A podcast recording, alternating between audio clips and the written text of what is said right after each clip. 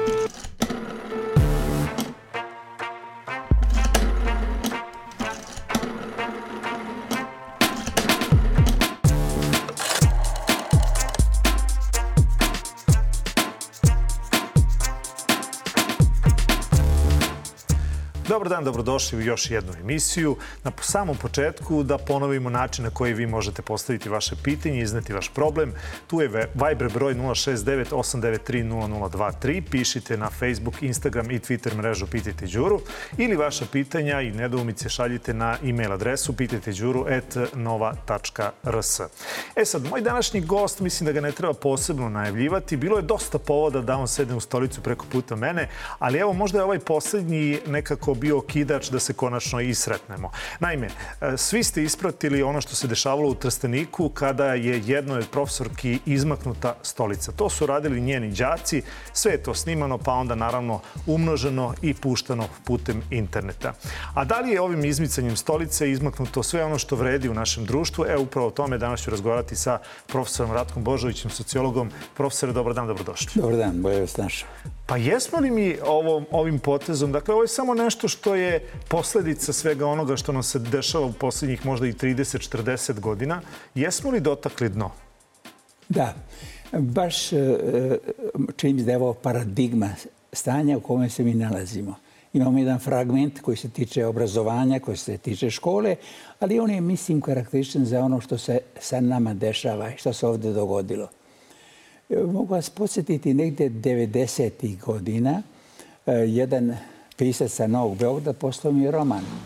U romanu je bila jedna stravična slika o tineđerima koji e, šipkama koje su ušiljene, a pritom i zagrejane, vade oče kucama i macama. Ja sam rekao njemu da mi se čini da je ta čitava priča previše naturalistička, previše drastična, da ja, ja ne mogu da stanem iza toga romana, ne mogu da ga preporučim. Onda se on gotovo naljutio na meni i rekao, profesore, ne morate vi preporučiti moju knjigu, ali ovo sam ja napisao. Ovo je stvarnostna proza. Ovo se dogodilo. Ovo sam opisao samo ono što sam vidio. Da bome, E, e, to je nekako 90. godine, prošlo je poprilično vremena, bio je rad, bilo čudo i tako dalje, sve ono se desilo. Ja sam sada pitao šta je sa tim klincima. Sada su to već vremeši, to su već ljudi koji imaju porodice, ili su negde u inostranstvu, ili su ovdje, ili su u nekom zatvoru, ili su, u, ili su negde ispod zemlje i tako dalje. Ali e, tada sam vidio da se desilo nešto čudno, nešto neverovatno kod dece, kod dece koje u prirodi stvari mogli da vole životinje, da vole kontra pse, kuce i tako dalje. Oni su ih oslepljivali. To je za mene bio strašan detalj. Da bome, ovo što se desilo sa ovom profesorkom, također jedna, jedna stravična slika. Jedna stravična slika koja govori o tome šta se ovdje dogodilo. I meni se na neki način ono komentarisanje šta se ovdje dogodilo i neko vezivanje isključivo i partikularno ili parcijalno samo za, za tu školu. Jeli? E, meni se čini da je to malo promašaj. Mhm. Jer je to, no, to je slika o našem društvu u kome se dogodilo ogromno nasilje. I to nasilje na svim nivoima. Jer ovdje nema ni jedne forme života, ni jednog oblika života u kome nemamo nasilje. A ovdje, ovdje nasilje imamo povezano sa dve vrlo važne dimenzije našeg života. To je prvo porodica i obrazovanje. Ako je nešto ovdje postradalo od tih 90 godina do danas, to je porodica. I drugo, ako je nešto bilo u užasnom padu na niže, to je bilo obrazovanje. Dve bitne komponente su ovdje prisutne. Jer ako bi neko pisao roman ili neku romanesnu strukturu uspostavljao, onda bi verovatno i te klince koji su svi odreda aplaudirali i e, podržavali ono što, što je učinio taj drznik koji je izmakao tu stolicu, što drastično deluje i na neki način pokazuje kakav je odnos prema ljudima koji obrazuju, koji su na neki način sada već naša priča o tome šta se desilo sa obrazovanjem, šta se desilo sa nastavom, šta se desilo sa autoritetom škole, autoritetom profesora, autoritetom onih koji obrazuju i šta se desilo sa onim koji su obrazovani i koji bi trebali da budu obrazovani. Šta se desilo sa porodicama iz kojih oni potiču. Onda vidimo da je ovdje postradala porodica, prosto u romanu bi to bilo. Možda, možda bi romanesni pisac opravdao te klince, jer su oni posljedica. Zato se držimo ono, ono što ste rekli, na što si rekao na početku, govorit ćemo na pertu ako se slažeš, jer e, ja, ja prosto ne volim tu, tu formu nekakve, nekakve da kažem, formalizma i tako dalje, jer smo dugo radili, dugo komunicirali i prema tome to ti može da dođe a ti ide uz one ljude koji su u nekoj blizini, da kažemo, stvaračkoj ili, ili misaonoj i tako dalje. Dakle, šta sam rekao? Rekao sam, dakle, e, obrazovanje, e, sad ovo sve vezujem za ono što, je, što su roditelji, što su roditelji. U romanu bi verovatno e, romanesni pisac našao formulu da opravda tu decu jer su oni još nezreli, jer su oni, oni što tek ulaze u život i stasaju do ozbiljnosti i tako dalje. Onda ostaje pitanje odakle njima to? Odakle njima A odakle to? im to? Dakle, to... Da, li je, da li je to kad vi pominjete porodicu i pominjete 90. Da sad ne vraćamo, znamo sve svi da, šta nam da, se izdešavalo. Da, da. Ali e, je li to samo naša stvarnost ili ta porodica je postradala i u jednoj Austriji, u jednoj Nemačkoj, u jednoj Americi ili ajmo i na istok gde god hoćemo? Vidite, ne, to je... Jer takvih snimaka, složit ćete se, e, ima, evo ja ne mogu nekako na, na, na ti, morat ću da ostanem na vi, a vi slobodno meni na ti. Đuro, ja ne ali, mogu drugačije. Ali ovaj, e, tih snimaka mi to viđamo i oni dolaze iz tih, ajde, da li da ih stavimo pod navodnike ili bez navodnika razvijenijih zemalja? Društava. Sa, sa molbom da odgovorim na to pitanje, ali da se vratim malo na našu porodicu šta se s njom dogodilo. Dobro. Ipak je to vrlo važno za u priču. Jer uh, u našoj strukturi bi možda pisac opravdao tu decu i e, na neki način pokazao da oni nisu najveći vinovnici. Pa da su, da su vinovnici negdje drugi, drugi koji su odrasli i institucijama i koji bi morali da nauče tu decu da budu pristojni, da budu drugačija. Ali kad smo već ovdje kod porodice, Ovdje imamo jednu trans, globalnu transformaciju porodice koja je u silnom ubrzanju promjena koje se dešavaju u civilizacijskom smislu. E, ta transformacija porodice označila veliki raskorak između roditelja i dece. Nikada nije postao veći raskorak između onog što je vrednosti sistem starih, vremešnih, našto vremešnih, roditelja i dece. E to je sad također jedan globalni problem. Je li to nepovratan problem? To je nepovratan problem za ovu situaciju, ako ne dođe do neke... Je, znate onu rečenicu, pa ajde svi roditelji istu priču pričaju svoje deci i taj jaz uvek postoji, ali da li ovaj jaz o kom vi sad govorite, da li je on zaista toliki da, da je to jedan nepovratan proces koji pitanje kuda ide? Dakle, da, u, u potpuno rasformiranje porodice kao jedinke društva? Pa, ako bi bili malo pesimisti, onda bi mogli da kažemo da su roditelji i vremešni pase. -hmm. Oni su bili i oni su ostali. I oni su preostali još uvijek pomalo, ali neće ostati do kraja. A ko će ostati? Ostaće ti mladi ljudi koji su sa drugačijim vrednostnim sistemom. Tu je drugačiji vrednostni sistem prosto roditelja i dece. Već Ima li ga uopšte? Pa ima ga negde. E, roditelji imaju jedan vrednostni sistem, deca sa ovim čudima koji se dešavaju u promenama ove silne brzine, ovih novih tehnologija, ovih novih komunikacija i tako dalje, ostaje pitanje da li, su, da li su deca više vezana za taj novi vrednostni sistem u kome će, evo kad govorimo već o nasilju, vršnjačko nasilje biti dominantnije, od dominantnijeg uticaja na ono što čine ti mladi ljudi koji su u toj dimenziji vršnjačkog, da kažemo, orijencanja ili vršnjačkog nasilja. Jer se oni tamo identifikuju, više se identifikuju oni sa onim silnicima koji su na čelu vršnjaci, dakle vršnjačkog nasilja, nego sa svojim roditeljima. To je jedna dimenzija. Druga dimenzija je zapravo ono što se dešava sa samim obrazovanjem. Ostaje pitanje e, da li, da li se oni više obrazuju preko medija, preko novih tehnologija, preko novih tehnika, preko novih komunikacija i svega toga. Jer ja vidim da, da čak i moji studenti e, e, po mnogo čemu nisu oni koji su proizišli iz e, knjiga, nego iz novih tehnologija. Kad pominjete studente, kad pominjete, evo sad mi pada na pamet jedna stvar. Znam da čitavu svoju karijeru ste radili sa, ajde, tom generacijom koja je studentska generacija. I sada radim. Jeste li silazili u ovu osnovnoškolsku i srednjoškolsku ikada? E, jesam e, i to u već sa jednim projektom koji je bio vezan za nasilje, pa smo išli po školama. Ali ne kao e, redovan profesor? Ne, ne, ne, ne, pa to je, to je malo teže. Zašto vas to pitam? Doći ćemo i do sistema koji je, da li uopšte postoji, ali šta biste vi I da li vam se ikad desilo ovako jedno nepoštovanje vas kao profesor od strane studenta? Da li ste imali i da li sada imate drugačiji odnos? Da li vas studenti drugačije posmatraju nego što su vas posmatrali kada ste počinjali svoju karijeru kao profesor? E, bojim se da ću se sad malo pohvaliti pa ću ispasti kao neki ljudi koji, koji su u velikoj hvali. Ne, nemojte, nemojte, nego dajte možda recept pa ne, ovim mladima. Da vam kažem, ja nikada nisam imao taj problem. Nikada nisam imao taj problem.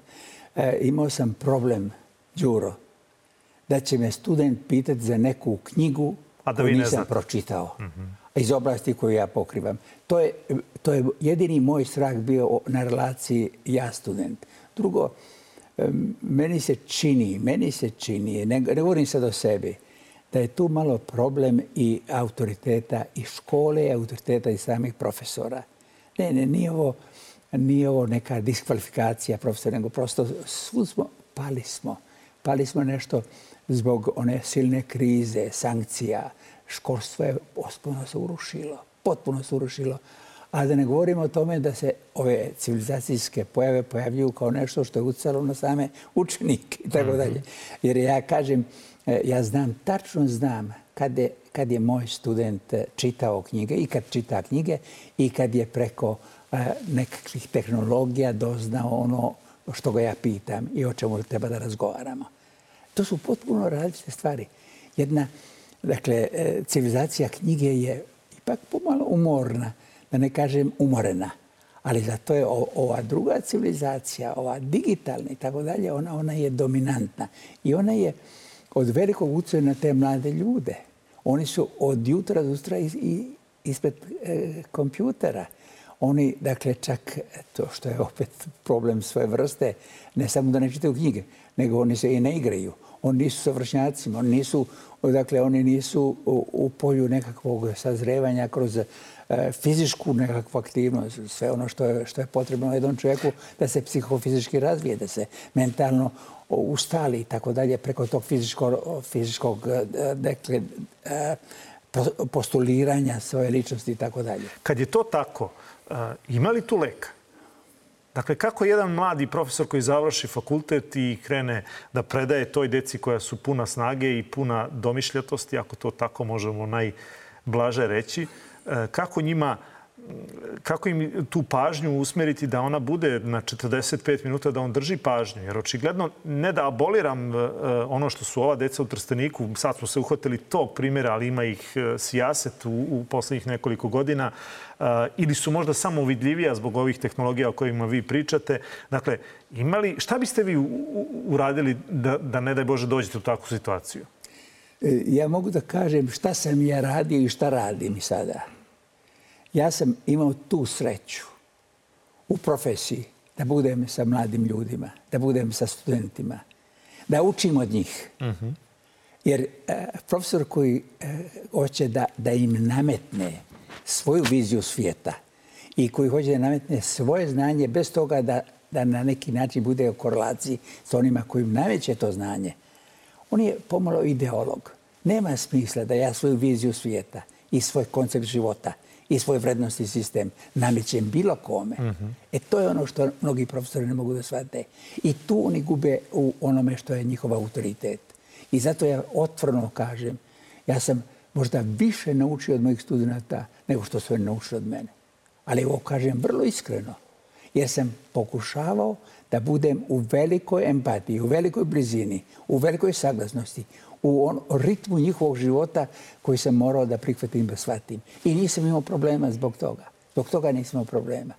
I mislim da je, da je problem baš tog rasprava među nastavnika, autoritet nastavnika, znanje nastavnika ili sposobnost da se igraju sa tim mladim ljudima na način jedne kreativne igre, jedne igre posebnosti, na neki način nekrutosti, te krutosti nekva je ta krutost u mozgu. Znate, mislim, ona, ona je uvijek rigidna, ona je strašna, ona je bez otvorenosti prema drugome, bez altruizma za druge, bez odgovornosti za druge i tako dalje. Prema tome, e, ako, ako tu ima u toj komunikaciji te radosti i posvećenosti, onda problema nema.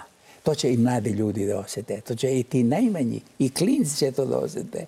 Da je to možda nešto blagotvornije čak i od onoga što im ozbiljni roditelji nameću kao stil življenja i kao neki nauk za život i tako dalje. Pomenu ste malo pre empatiju, nedostatak empatije. A gde se naše društvo nalazi u te dve reči, dakle od apatije i nedostatka empatije. Dakle, e, kako smo mi došli e, do tog stadijuma kada e, možete vidjeti u gradskom prevozu e, kada neko napadne neko mlado čeljade, da 90% ljudi gleda u svoj telefon i gleda samo svoje posla. Dakle, e, redko ko će skočiti i stati u odbranu slabijeg. I ne samo to. Jedan put sam, pošto sam e, moj fakultet bio na Voždovcu i ponekad nema, nema taksija, ja obično idem taksijem ovaj, do grada, nema taksi i onda idem eh, tramvajem. I stanem a, da bome, tu, tu vam ne padne na pamet da neko starijeg uvaži da od tih mlađih ljudi ustane da mu da mjesto i tako dalje. I sad, I sad ja stojim ispred dve devojčice koje E, razgovaraju. I sad čujem, brate, nije da ja prisluškujem, nego prosto čujem što pričaju. Nije bilo ni jedne rečenice do Slavije. Dakle, od Voždovca do Slavije. Od fakulteta političkih e, nauka, da. Da bome, a da nije bila psovka. Ja sam se šokirao. Niti ima rečenice, niti ima smisla, niti, ali psovka dominira. Ona je dominantna. Ona je tu sve prisutna.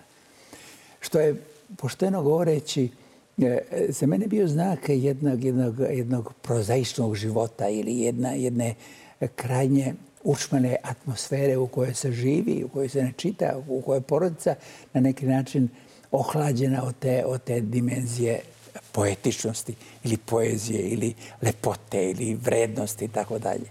Kako to u svakoj rečenici, u svakoj rečenici je bila psovka. Eto to je.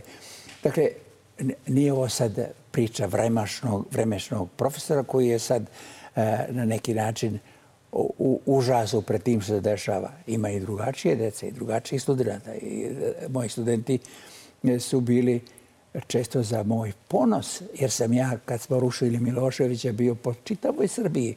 I onda elitno društvo je bilo, bili su moji studenti. Pa evo, meni se čini da i studenti fakulteta za političke nauke su najprisutniji danas u onome što je naš politički život, što je naša javna scena i tako dalje. Prema tome, ali moram da kažem da sam bio ponosan u tim gradovima, u Kraljevu, u, u Kragujevcu. Suda su bili moji studenti. Posle tribina, obično, oni dođu i razgo, uvijek sam razgovarao kakvo je stanje u Kragovicu, kako je stanje u Kraljevu, kako je stanje u Valjevu i tako dalje. Dakle, tako sam doznavao mnogo više od mojih studenta koji su u time susretima.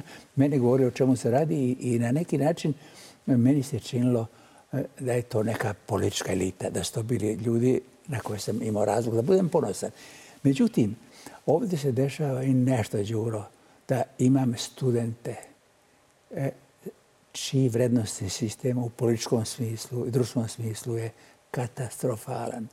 Zato što su oni postali podanici ili prodanici, što su postali poltroni. I verujte, ja sam jednoj vašoj koleginici rekao e, da, mi je, da me je stid zbog njih i da sam kriv zbog njih. Jer nisam uspeo da ih ubedim da to ne budu.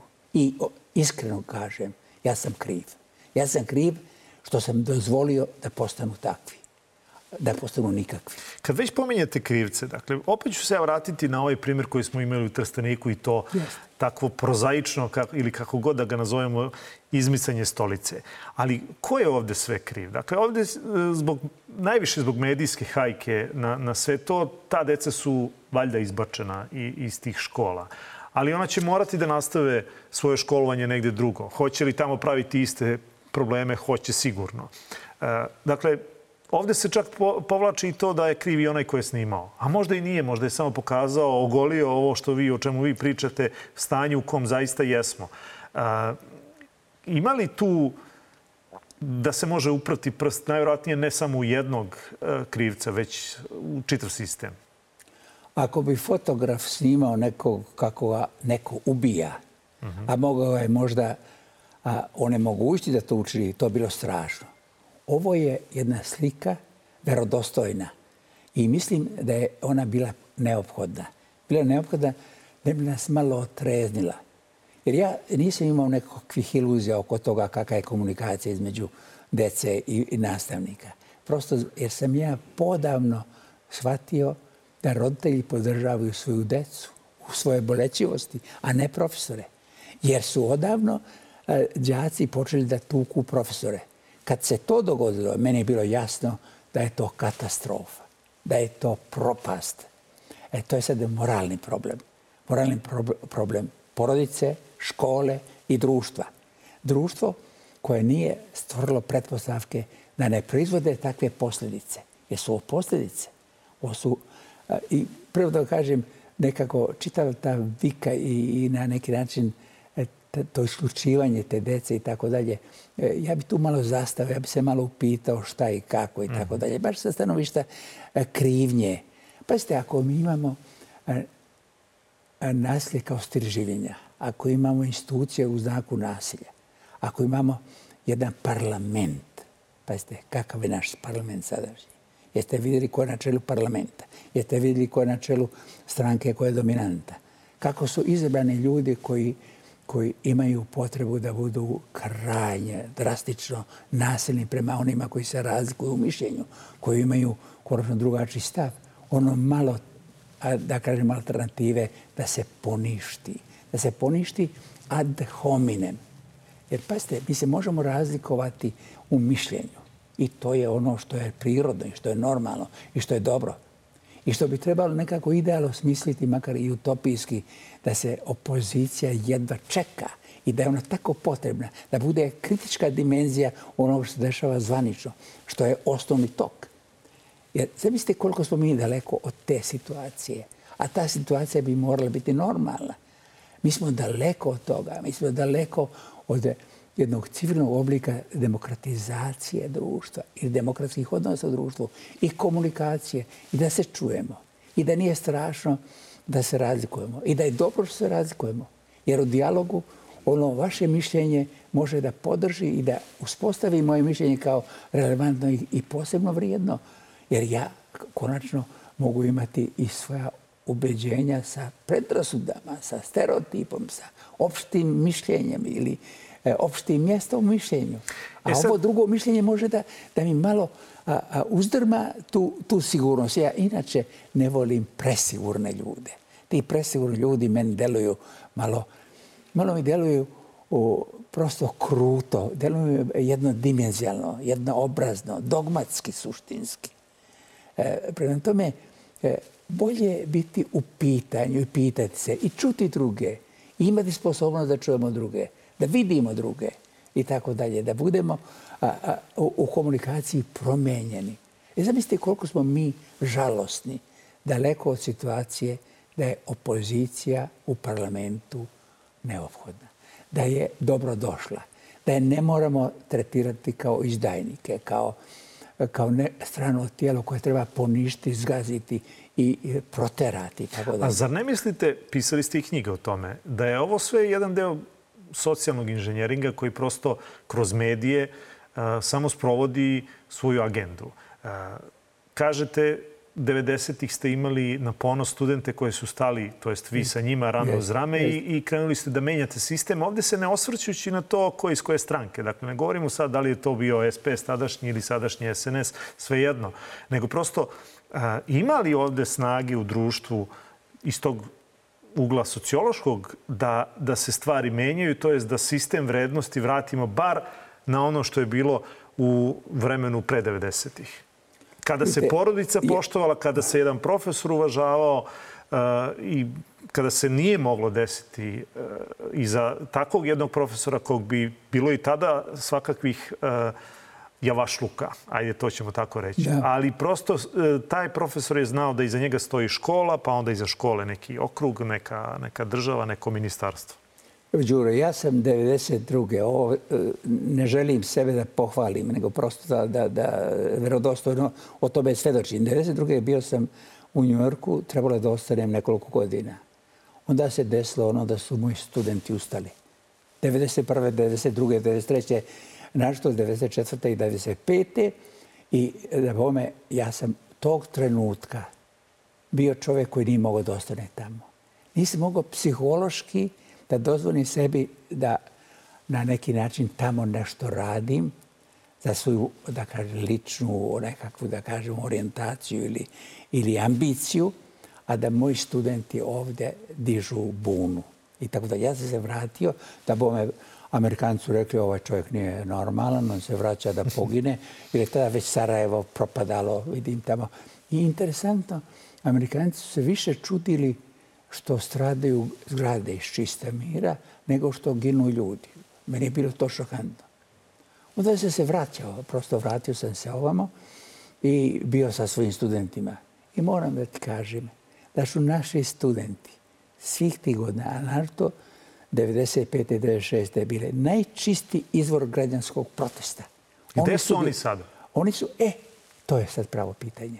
Ja se pitam šta je sa njima. Mnogi od njih jesu negde oni koje bi, za koje bi mogo reći da je aplauz moj odgovor na njih i ono što čine. Ali za mnoge to ne mogu da kažem. Mnogi su otišli negde daleko, o negde nestali. I za mene je bilo najteže kad sam e, svojim studentima pravio preporuke, pisao preporuke za neku svetsku instituciju, da odu, da nas napuste. I to su često bili odlasi bez povratka. I mnogi ti odlasci su odlasci bez povratka. O tome se radi. Ovo danas, ovo danas što je za univerzitet, to je za mene neshvatljivo. To je za mene čudesna atmosfera zamrlosti i, i potpune indiferentnosti od ono što se dešava u društvu. Pa tada je studentski svet bio Beograd i Beograd svet. Pazite, to je bilo tako. Sada vidim što oni čine u toj svojoj umrlosti i indiferentnosti i, i potrebi da obezbede neke lične svoje e, prosperitete, neke svoje uslove za lakše završavanje fakulteta, valjda da bi lakše i brže napustili ovu zemlju i tako dalje, to je to. Ali od tog aktivizma koji je bio tih godina, a, nema ništa. A ja ga također povezujem, također ga povezujem sa tom opštom propašću, sa propašću porodice. Jer su i porodice bile drugačije. Zato sam rekao, dozvolite mi da kažem nešto za porodicu iz prostog razloga što mi se čini da je naša porodica tradicionalna već bila pomalo jedno, jedno zdanje koje se rušilo. Nije to bila čvrsta porodica tradicionalna. U, u tranziciji sve je propadalo, sve je bilo u, u nekom vazduhu koji je na neki bio bio u dimu i čudima i tako dalje. I, I ta porodica, tradicionalna porodica je porodica jednog vakuma.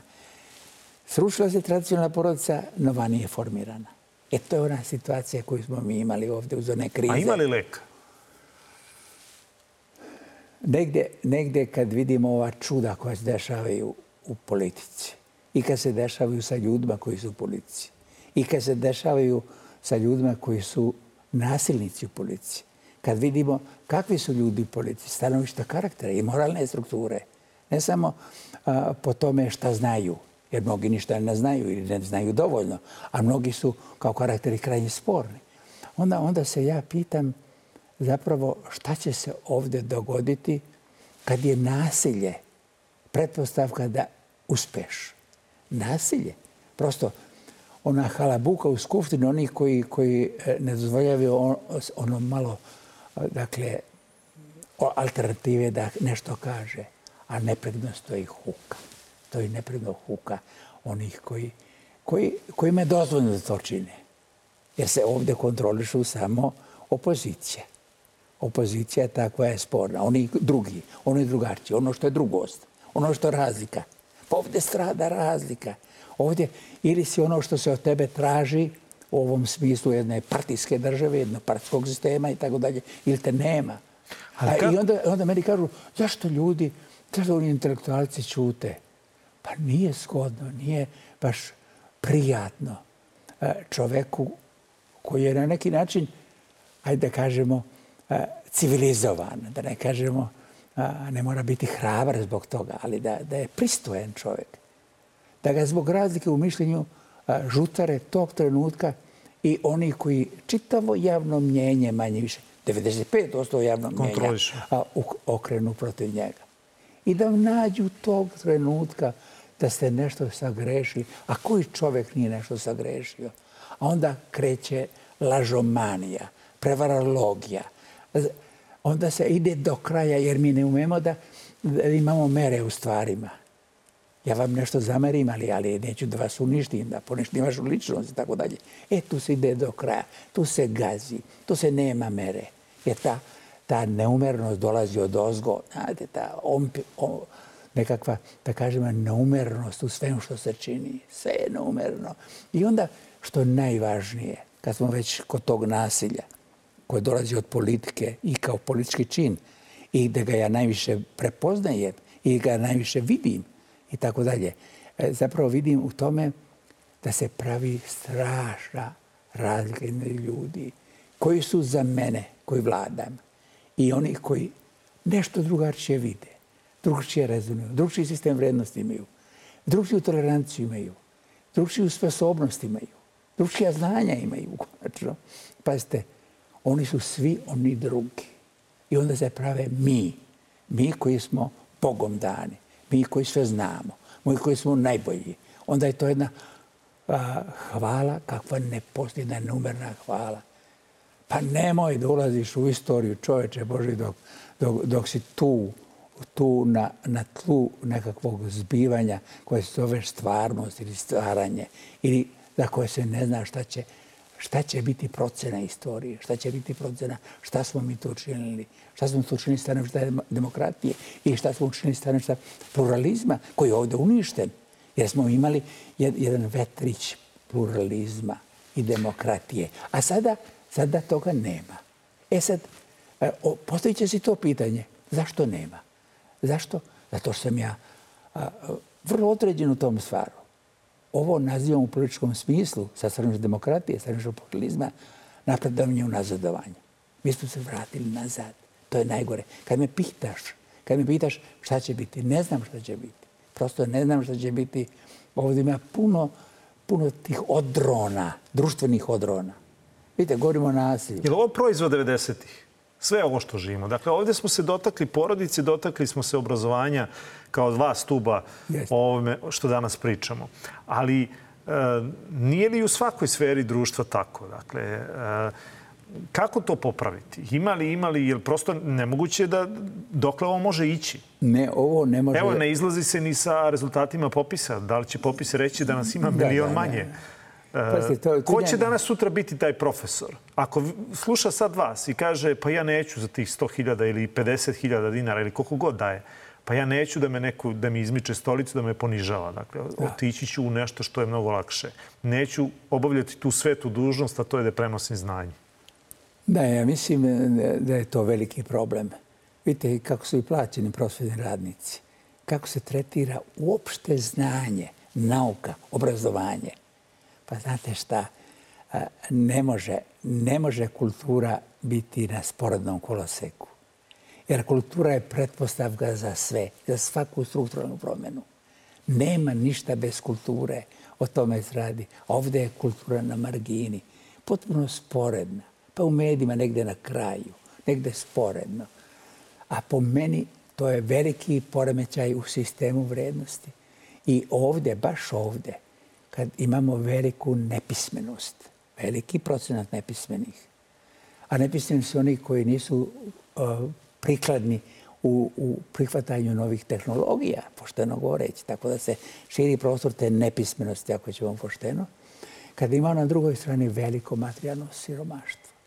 Ovdje, kad sklopite materijalno siromaštvo i duhovnu, duhovnu glad ili duhovnu pustoš, onda imamo veliku nevolju onda imate ljude koje možete da vodite i zavodite kako vam god pade na pamet pod uslovom da imate, da imate medije. Jer eh, ja, ja sam i govorio tu negde ponekad. Ovdje televizije, ovdje mediji odlučuju kako se ljudi opredeljivati. Jer čovjek koji nije edukovan medijski, koji nije pismen, koji nije konačno obrazovan, pa njega, njegovu praznu glavu možete ispuniti onim što su uticaji koji se tu vrše. E to se deša. E zato mi se čini da je veliki problem baš, baš i ti mediji. Baš mediji i sa stanovišta a, same, same ove teme o kojoj mi govorimo. Teme nasilja. Jer čini mi se da se tu nismo snašli kako prezentirati nasilje. Kako ne učiniti da preko onog što se dešava u medijima ne proizvedemo i indukujemo samo nasilje u stvarnosti. I to se dešava. Jer izgleda da dobra vest, da blagotvorna vest, obična vest je dosadna. Mm -hmm. Ova iz nasilja, iz, iz tog diskursa nasilja, ona je atraktivna, ona je čudesna, ona je izazovna.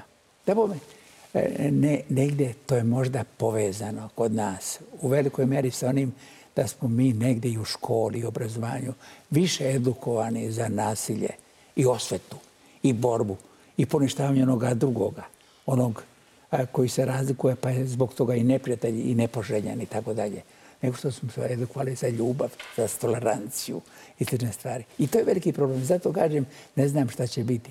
Ako uzmemo e, e, koliko je ljudi, koliko je naših ljudi vezano za reality programe, za ovaj užas, za ultrovačnicu, trovačnicu, sa stanovišta vrednosti, jer tu se indukuje nasilje, tu je nasilje, tu deca ako nešto gledaju, onda gledaju tu silno nasilje od jutra do sutra. Prvo nasilje u, u tim projektima, realitima ili tako, i naslje u onome što je, ako ćete, čitav informativni sistem koji je u znaku naslja prema svima koji su drugačiji, koji se razlikuju, tako dalje.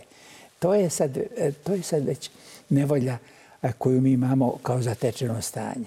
To je zatečeno stanje u kome, u kome se proizvodi to nasilje. Zato kažem, ta deca, pa to je, to je besmisleno a, vidjeti ih kao krivce. Oni su bukvalno posljedice jedne velike, jedne globalne, jedne nacionalne, jedne naše krivice koja je prizna u svim institucijama. Jer mnogi ljudi ovdje nisu postali ništa, a da pritom nisu bili nasilnici. Ne opstaju ovde, a da pritom nisu nasilnici. Ja to tvrdim.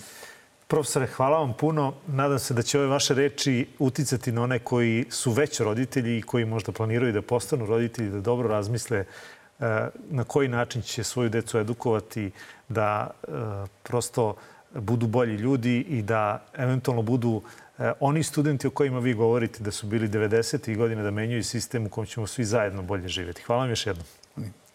Moj današnji gost bio profesor eh, Ratko Božović, eh, profesor i sociolog, a eh, broj telefona otvoren za vaše pitanja za neke druge teme, može i ove naravno, 069-893-0023, to je Viber broj. Možete pisati i na Facebook, Instagram i Twitter mrežu Pitajte Đuru ili pišite na pitajteđuru.nova.rs.